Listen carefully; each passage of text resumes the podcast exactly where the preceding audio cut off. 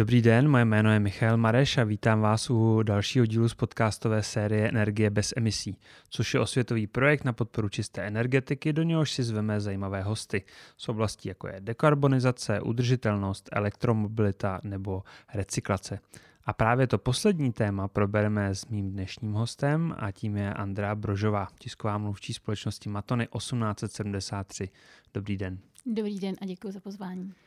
Andrea posledních 15 let pracuje v potravinářském odvětví, nejprve působila v Nestlé a nyní je manažerkou PR středoevropského nápojářského lídra Matony 1873, dříve se jmenovaly Karlovarské minerální vody.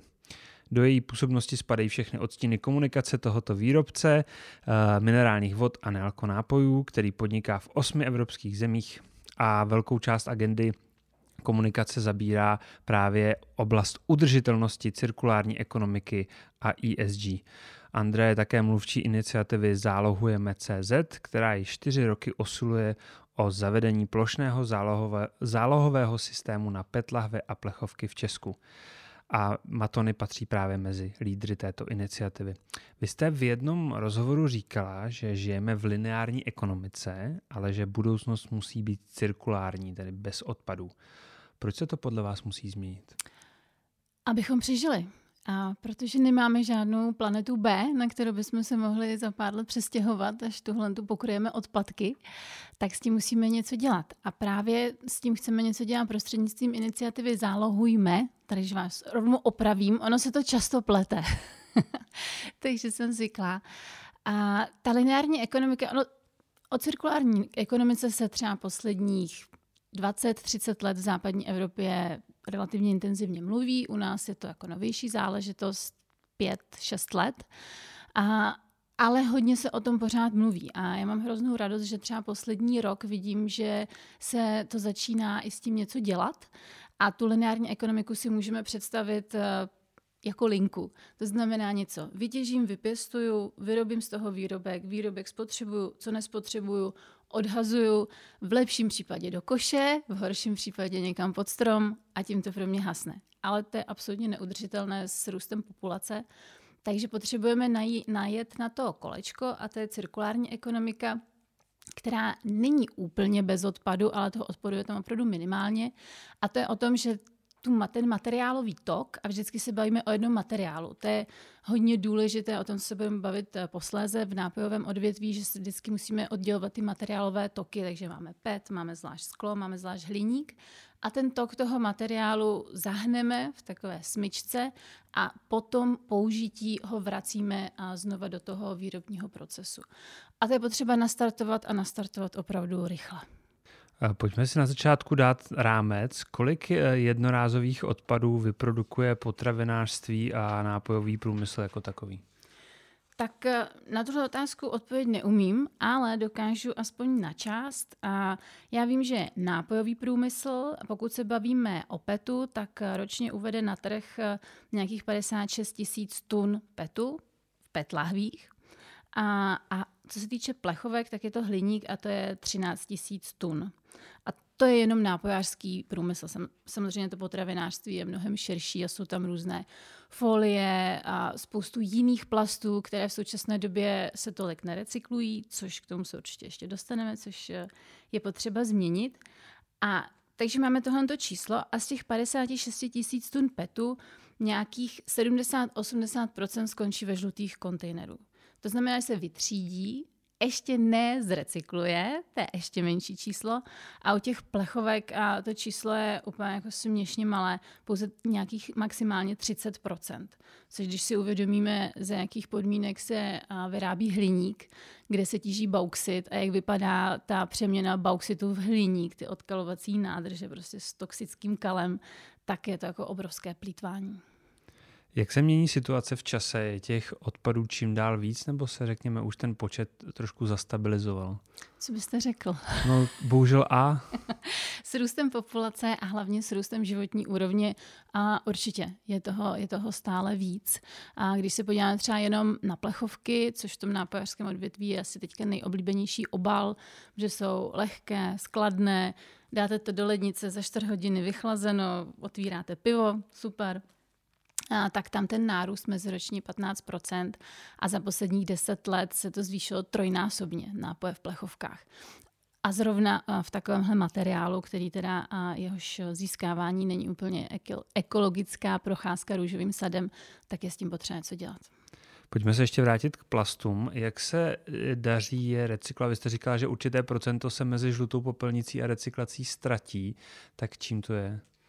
Určité relativně velké procento, a bohužel. A ono je to o tom, že my jsme opravdu dobří třídiči. Češi. A do, těho, do tého žlutého kontejneru odneseme nějakých 70-80%, záleží, jaké statistiky nebo jaké odhady a berete. Ale z toho žlutého kontejneru to jde na dotředěvací linku, a které ano, máme některé supermoderní, kde se, kde se to dotřiďuje jako nějakou a, optickou a, technologií, ale těch je minimum. Většina dotřiďovacích linek vypadá jako pás, kde na jednom konci nasype žlutý, žlut, no, auto, obsah žlutých kontejnerů, je tam nějakých 5, 6, 7 lidí, kteří v zimě, v chladu, v smradu prostě to tam nějakým způsobem přebírají. Takže to není úplně efektivní způsob a spousta se nedostane k tomuhle vytřídění. To je jeden moment, takže se odhaduje, že z těch žlutých kontejnerů nějakých 50% toho petu dojde k materiálové recyklaci. A to ještě pouze k recyklaci jednocestné. Vysvětlím. A v České republice až do nedávna, do loňského listopadu, se recyklovalo pouze a do nepotravinářského použití do vláken a různých jiných aplikací, třeba do automobilového průmyslu. A do vláken, takže do, do oděvů, třeba nevím, dětské plínky se dělají z recyklovaných petek.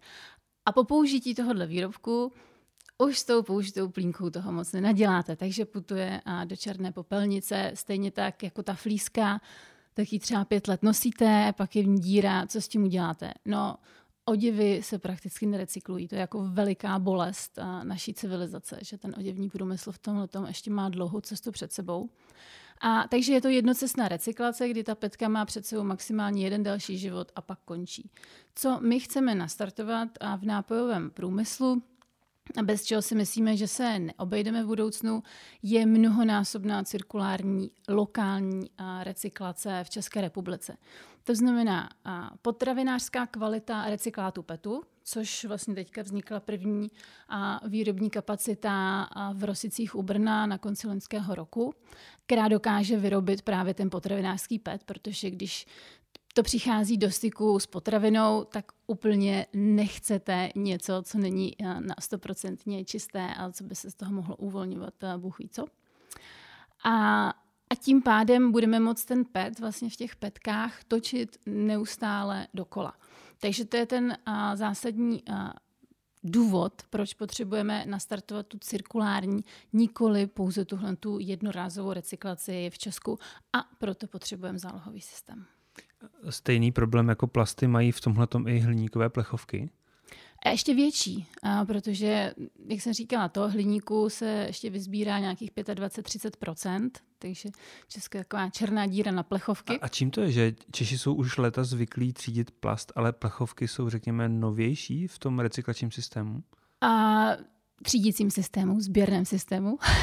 to se u nás často zaměňuje, třídění a, a recyklace. A těch šedých kontejnerů je hrozně málo. Mm, nevím z jakého důvodu, to by se asi musel zeptat autorizované obalové společnosti Ecocom, která se stará o ty barevné kontejnery. A, ale ideální by bylo je sbírat stejně jako petky prostřednictvím toho zálohového systému.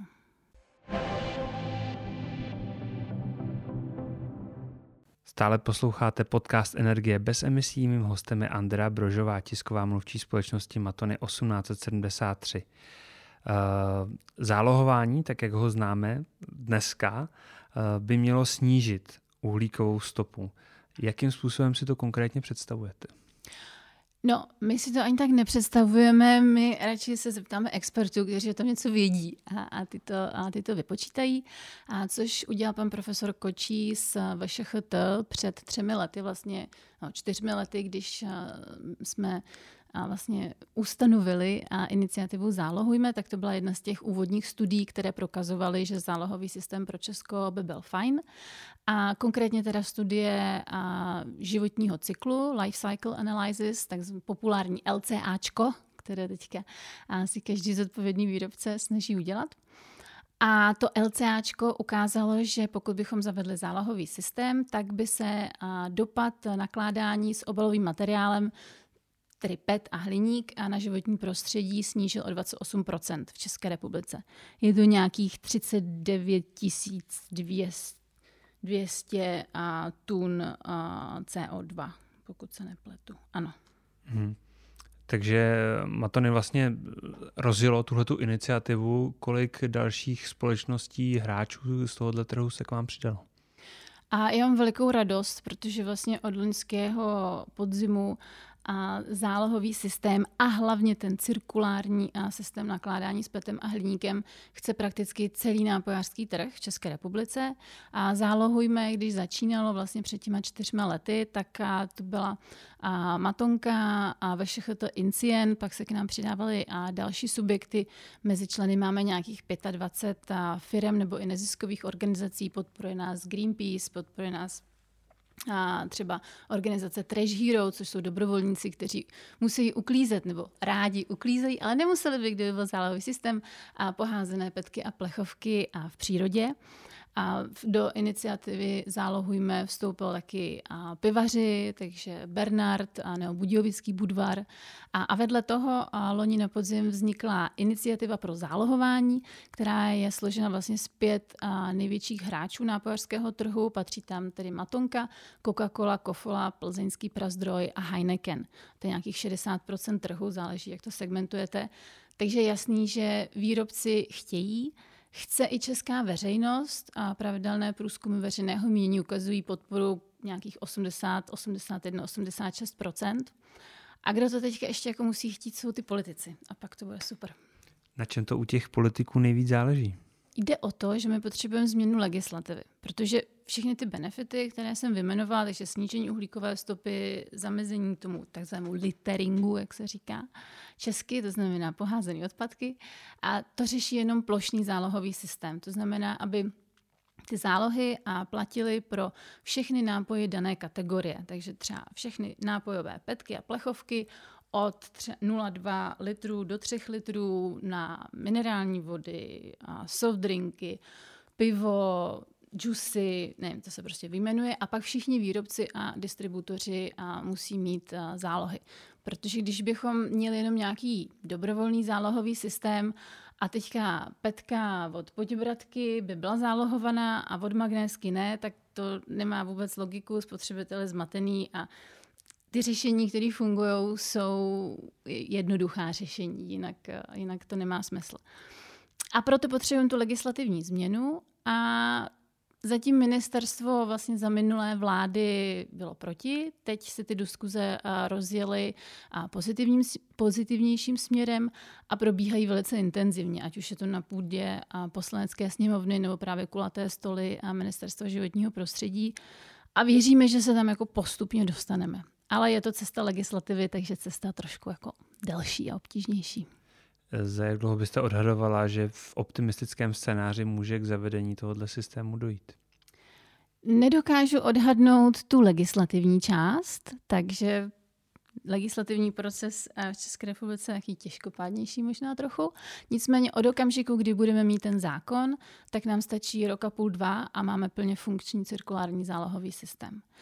Můžeme se inspirovat třeba na Slovensku, a kde mě osvíceného ministra životního prostředí a ten tu legislativu a tam a prosadil a vlastně zálohový systém tam začal letos v lednu, prvního první. Nicméně tam, protože Matonka je na Slovensku, takže jsme byli účastní jako celého toho cvičení a celého toho vymýšlení a jak by to tam nejlépe mohlo fungovat. A to všechno se muselo stihnout za 10 měsíců, což bylo teda jako vražedné tempo. Podařilo se to a, a vidíme, že to funguje. Když jste narazila na zahraničí, tak eh, jak jsou na tom další státy právě co se týče zálohování PETu a třeba i toho hliníku? A poněkud před námi a mrzí mě, že musím říct, že Česká republika, když se podíváte na mapu, je takový jako nezálohovací ostrůvek v té střední Evropě a Evropě, a protože v současné době zálohové systémy a má zavedeno 12 zemí, naposledy tedy Slovensko. Dalších 15 zemí o tom uvažuje, když se tak, kolik má Evropská unie zemí, je jasný, že teda většina a ty zálohové systémy v nějaké dohledné době a bude mít. Německo má dlouhodobě, třeba severské země, ty mají zálohové systémy už od 80. let, ale tak tam ta ekologie je trošku jako jinde. Jste narazila na severské země, já jsem uh, rok vžil v Dánsku před zhruba 13 lety a pamatuju si, že právě tam před bary, kam se scházeli místní, ještě s plechovkou v ruce, protože i pro ně bylo uvnitř to pivo drahé, tak uh, řekněme, že lidi, kteří sbírali ty plechovky, tak vám skoro to pivo brali z ruky, protože věděli, že jakmile ho někde pohodíte, tak jim ho sebere někdo jiný. Takže tenhle ten systém jsem zažil na vlastní kůži. Je právě třeba ten severský styl zálohování pro vás největší inspirací? inspirací? Pro nás je největší inspirací to Slovensko. Přece jenom ty a severské státy ten systém je tam už dlouhodobě, před těmi 30 lety to úplně nebylo nastavené na tu cirkulární ekonomiku, šlo hlavně o sběr, aby se ty plechovky nepovalovaly. A, a oni také už jako řeší cirkularitu, ale vlastně to Slovensko to má zabudované v DNA od začátku. A je to vlastně postavení nápojového odvětví na cirkulární nohy, když to tak řeknu, což jsou vlastně takové tři nohy. A první je ekodesign, což znamená, že už na začátku, když vymýšlíte ten výrobek, to znamená tady v tomto případě obal, a zajímáte se o to, aby byl plně recyklovatelný, což vlastně prakticky nějakých 95% nápojových obalů v Česku je. A naše všechny petky jsou 100% recyklovatelné, hliník taky, Sklo taky, ale sklo se nerecykluje, sklo se znovu vymývá a znovu plní, což je samozřejmě taky cirkulární princip a trošku jiný. A potom je teda, když máte plně recyklovatelné ty obaly, tak je musíte dostat zpátky k tomu výrobci, co nejvíc jich tam dostat. A vidíme, že jediný systém, který dosahuje 90 a více procentní návratnosti je ten zálohový, takže potřebujeme zálohy. A potom ta třetí noha je cirkulární recyklace z lahve do lahve, z plechovky do plechovky, protože ta petka, na rozdíl od skleněné lahve, kterou jsme zvyklí, a Češi vrátí 98% skleněných lahví. Takže tak umíme, není to problém. A tak eh, ta skleněná lahev se odveze zpátky do fabriky, je taková obrovská linka, kde se to vymije louhem, teplou vodou, studenou vodou a znovu se to naplní. A u toho petu, který je, řeknu, takový poréznější materiál, to není vhodný způsob, takže ten pet se naseká na kousky a rozstaví, udělá se z toho regranulát a z toho se vlastně vyfoukne pod vysokým tlakem a teplotou nová petka ale už je z toho starého materiálu. Takže je to jako cirkularita v té recyklační a, smyčce. Jste narazila na to, že ne všechny PET obaly splňují uh, předpoklady k tomu, aby byly znovu vytříděny. Uh, jaké překážky dneska některé, teda v menší části PET obaly mají? A cirkulárně recyklovány. Vytříděny můžou být všechny a to jako není problém, ale k té cirkulární recyklaci, a když se vemu petku, tak je ideální, aby byl na trhu nějaký omezenější počet barev, a protože ten a, recyklát potom, jsou takové kuličky, a, rozstavený PET, tak když máte modrý petky, tak bílý recyklát z toho neuděláte, že jo? protože prostě to barvivo tam je. A třeba na Slovensku bylo ustanoveno pět takových streamů nebo druhů PETu, a kdy výrobci se rozhodli a dohodli, že budou používat jenom modré, zelené a čiré. Modré je světle tmavé, zelené světle tmavé a čiré. A to je jako ideální stav. A potom, že máte obrovský objem v každé té kategorii a můžete tedy recyklovat vlastně modré petky do modrých petek a zelené petky do zelených petek. Takže některý jsou prostě moc barevný dneska. A ne, už si to jako nemyslím. Když se, podív, když se projdete a podél regálu v obchodě, tak když se srovnáte se stavem před třemi lety, tak je to jako mnohem méně barevnější. Já, jenom, já jsem v Matonce vlastně víc než tři a půl roku a když jsem nastoupila, tak vlastně moje první, jední z prvních komunikací bylo o tom, že snižujeme portfolio barev v matonce, protože lahve matonky byly dřív oranžové, fialové, růžové a všechno je to jako světle zelená. Ať je to ochucená, přírodní, ať je to limitka. A nemělo to žádný dopad na prodeje. Spotřebitel nepřestal kupovat matonku, protože prostě má nebarevný lahve, a takže se to dá. A, a dalším prvkem je, aby byla recyklovatelná i etiketa víčko, to znamená z vhodných materiálů.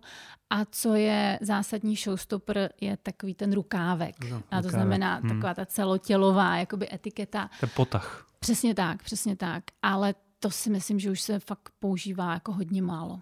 Mm. Jak by konkrétně to zálohování mělo vypadat? Teďka mě zajímá třeba i cena, eh, která by, o kterou by se vlastně eh, ten výrobek zdražil pro koncového zákazníka. U piva, pokud si pamatuju správně, jsou to tři koruny, co se týče lahví eh, skleněných, tak jak by to fungovalo u petu a případně u toho hliníku? Mm-hmm. První moment nejedná se o zdražení. Pokud jste zodpovědný spotřebitel, dostanete ty tři koruny zpátky. Takže ale ano, opticky a na tom regále a asi se to zdraží. A my jsme počítali taky s třemi korunami vlastně z těch studií před čtyřmi lety. Teď je, a to je ale návrh. Jo, tam to, to rozhodně není nikde vytesáno v kameni a vzhledem k současné situaci a navyšujícím se všemu, tak určitě je možné se bavit o nějakém zvýšení, ale tak ta evropská hladina vzhledem ke kupní síle se pohybuje kolem těch 3-4 korun. A, a fungovalo by to úplně vlastně stejně jako ty skleněné lahve a to pro petky i plechovky.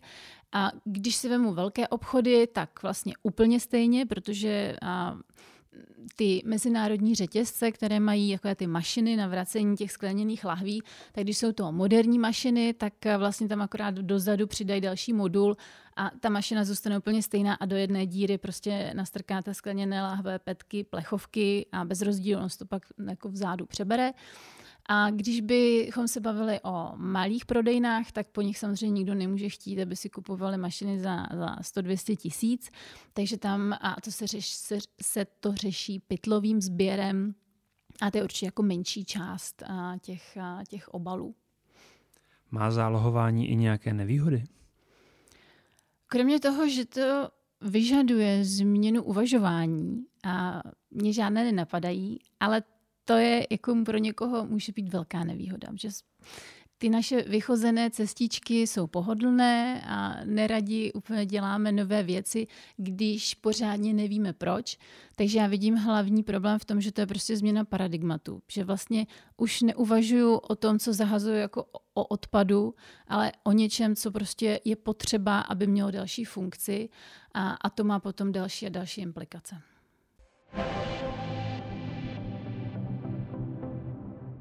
Stále posloucháte podcast Energie bez emisí, bavíme se s Androu Brožovou ze společnosti Matony 1873.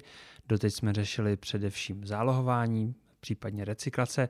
Teďka bych rád přepnul do tématu udržitelnosti.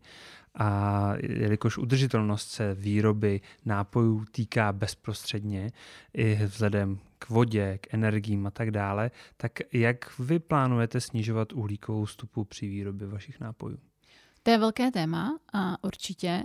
Ono to s tím souvisí, vlastně s tím, co jsme se bavili a, před chvílí, protože a, když jsme si spočítali nebo nechali spočítat naši uhlíkovou stopu pro Česko, tak vidíme, že kdybychom mohli začít fungovat cirkulárně, tak o dvě třetiny nám poklesne uhlíková stopa na obaly, což je jako úžasný. A, ale to není jenom o tom, že si řekneme, a my potřebujeme zálohovat a do té doby nebudeme vůbec nic dělat. A takže my jako Matonka jsme se přihlásili k Evropskému Code of Conduct, což je kodex zodpovědného chování. A normálně vysíme na evropském webu a tam jsou naše závazky a jedním z nich je snižování uhlíkové stopy. A tam protože Matonka, jak jste v úvodu říkal, a funguje ve více zemích, takže ten plán je takový jako robustnější.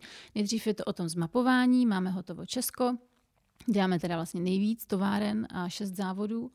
A, a budou následovat další, a Rakousko, a Maďarsko, Slovensko, Bulharsko a, a pak máme, a pak naším plánem je, abychom do roku 2030 a byli uhlíkově neutrální, co se týče emisí prvního a druhého, první druhé třídy, což jsou ty, a, které máme bezprostředně a, pod kontrolou. Potom ty další, kteří, které už závisí na našich dodavatelích, tam samozřejmě budeme vyvíjet taky tlak a to je obtížnější, obtížnější situace. Takže dá se říct, že se to týká o snižování objemu vody, odpadů a především té energetické náročnosti. A určitě. Energie to je takový jako vlastně trošku by mohlo být i jednoduchý řešení, prostě takhle jako svičnete na zelenou elektřinu, což ale v současné situaci stále se zvyšujících cen taky není úplně jednoduché. Druhá věc je, že my používáme i relativně hodně plynu ve výrobě a tam úplně není nějaká zelená alternativa. A třetí věc je určitě doprava, kdy naše výrobky se distribuují kamiony, tak tam je otázka, jak může být kamion bezemisní na nějaké delší vzdálenosti. A ty, ty, já jsem viděla nějaké prototypy, ale spíš teda v té severní Evropě, než, než tady u nás.